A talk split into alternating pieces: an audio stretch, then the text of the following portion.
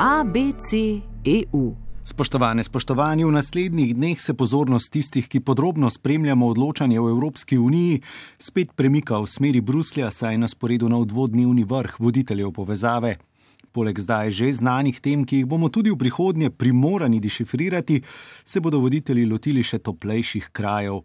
Južno sosedstvo bo tudi tema zasedanja. Zato danes. Sonce, morje in težave. Ja, ven nas vleče. Jap, zadnjič Azija, danes pa se razgledujemo po sosedski. Upam, da se ni kdo ustrašil, da gremo spet v Združeno kraljestvo. Ne, ne, danes gledamo na jug, ampak do tja lahko pridemo prek ESP. ESP jaz sicer povezujem z avtomobili. Ja, prek evropske sosedske politike oziroma tistih instrumentov, s katerimi Evropska unija skrbi za lastno dobrobit tako, da dviga oziroma izvaža standarde demokracije in gospodarstva onkraj svojih geografskih meja. Gre dejansko za države, ki ne bodo nikoli postale članice Unije, bi ne mara to rade postale ali pa se vsaj tako ali drugače približali Uniji. Zato so si v Bruslju izmislili institut sosedstva. Preprosto rečeno, ostanite tam, daleč, a blizu pustimo na tem mestu tempo širitvenega procesa. Skratka, tu so zajete vse sosede Unije, pa tudi nekatere bolj oddaljene države, ki so del recimo temu širše definicije sosedstva. Tako da nimo poznamo članice kandidatke, pa države vzhodnega partnerstva, kjer so Armenija, Azerbajdžan, Belorusija, pa Ukrajina, Moldavija in Gruzija, v okvir SP-ja pa sodi še deseterica držav ob Sredozemskem morju. No, Palestina se še trudi razširiti nabor držav, ki bi jo priznale, pri čemer se njena soseda s podobnimi napori trudi, da se kaj takega ne bi zgodilo. Ampak to je zgodba za kdaj drugič, morda tudi za to rubriko, zakaj pa ne. Torej, če se lahko zdaj premaknemo k južnemu sosedstvu, meni se zdi, da smo še zelo daleč od tega, da bi lahko govorili o razcvetu nekega partnerstva.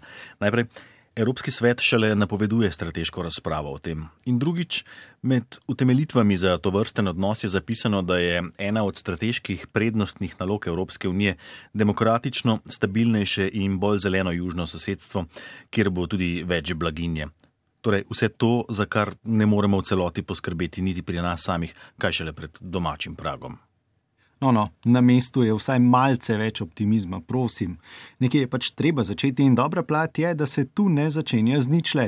Že 25 let je od barcelonskega procesa, ki ni povsem resno zaživel, zaradi česar so ga nadomestili z Unijo za sredozemlje, ki morda ne bo nikoli zares zaživela. A vseeno, osnove obstajajo. Omenimo pa lahko še čisto svežo napoved nove agende za sredozemlje. Ki pa je vendarle šele napoved. To drži, ampak za ljubitelje financ je to verjetno kar otepljiva napoved. 7 milijard evrov do leta 2027, ki naj bi postopno generirale 30 milijard evrov naložb.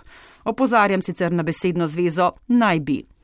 In je agenda, ki naj bi se konkretizirala z zaposlitvenimi možnostmi za mlade in ženske, odpiranjem novih delovnih mest, ulaganjem v človeški kapital in ki bi ne nazadnje poskrbela za to, da bi bilo prebivalcem tega južnega sosedstva tako lepo doma, da ne bi več čutili potrebe potem, da zapuščajo svoje domove in krenejo proti Uniji. S čimer pridemo tudi do ene ključnih podlag za financiranje sosedske politike. Migracije so nedvomno področje, ki terjajo skupno obravnavo, pa naj gre za reševanje problematike prisilnega razseljevanja, nedovoljenih migracij ali lajšanje varnih, zakonitih poti za migracije in mobilnost. Ob branju načrtov evropskih voditeljev lahko nastane vtis, da so vsi načrtovani ukrepi usmerjeni prav to, da teh migracij nikakor ne bi bilo. Vsaj ne preveč.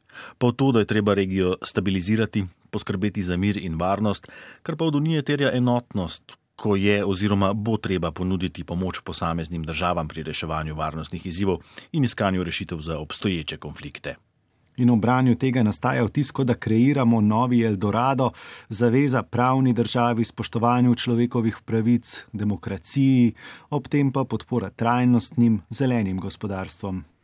Uf, kot da v Siriji ne divja vojna, kot da pozabljamo na palestinsko-izraelske napetosti, kot da sta z nafto in plinom bogati Alžirija in Libija protagonistki rabe obnovljivih virov energije mar ni dobršnega dela tega južnega sosedstva komaj pred desetletjem zajela arabska pomlad. Ja, poletja pa ni prinesla.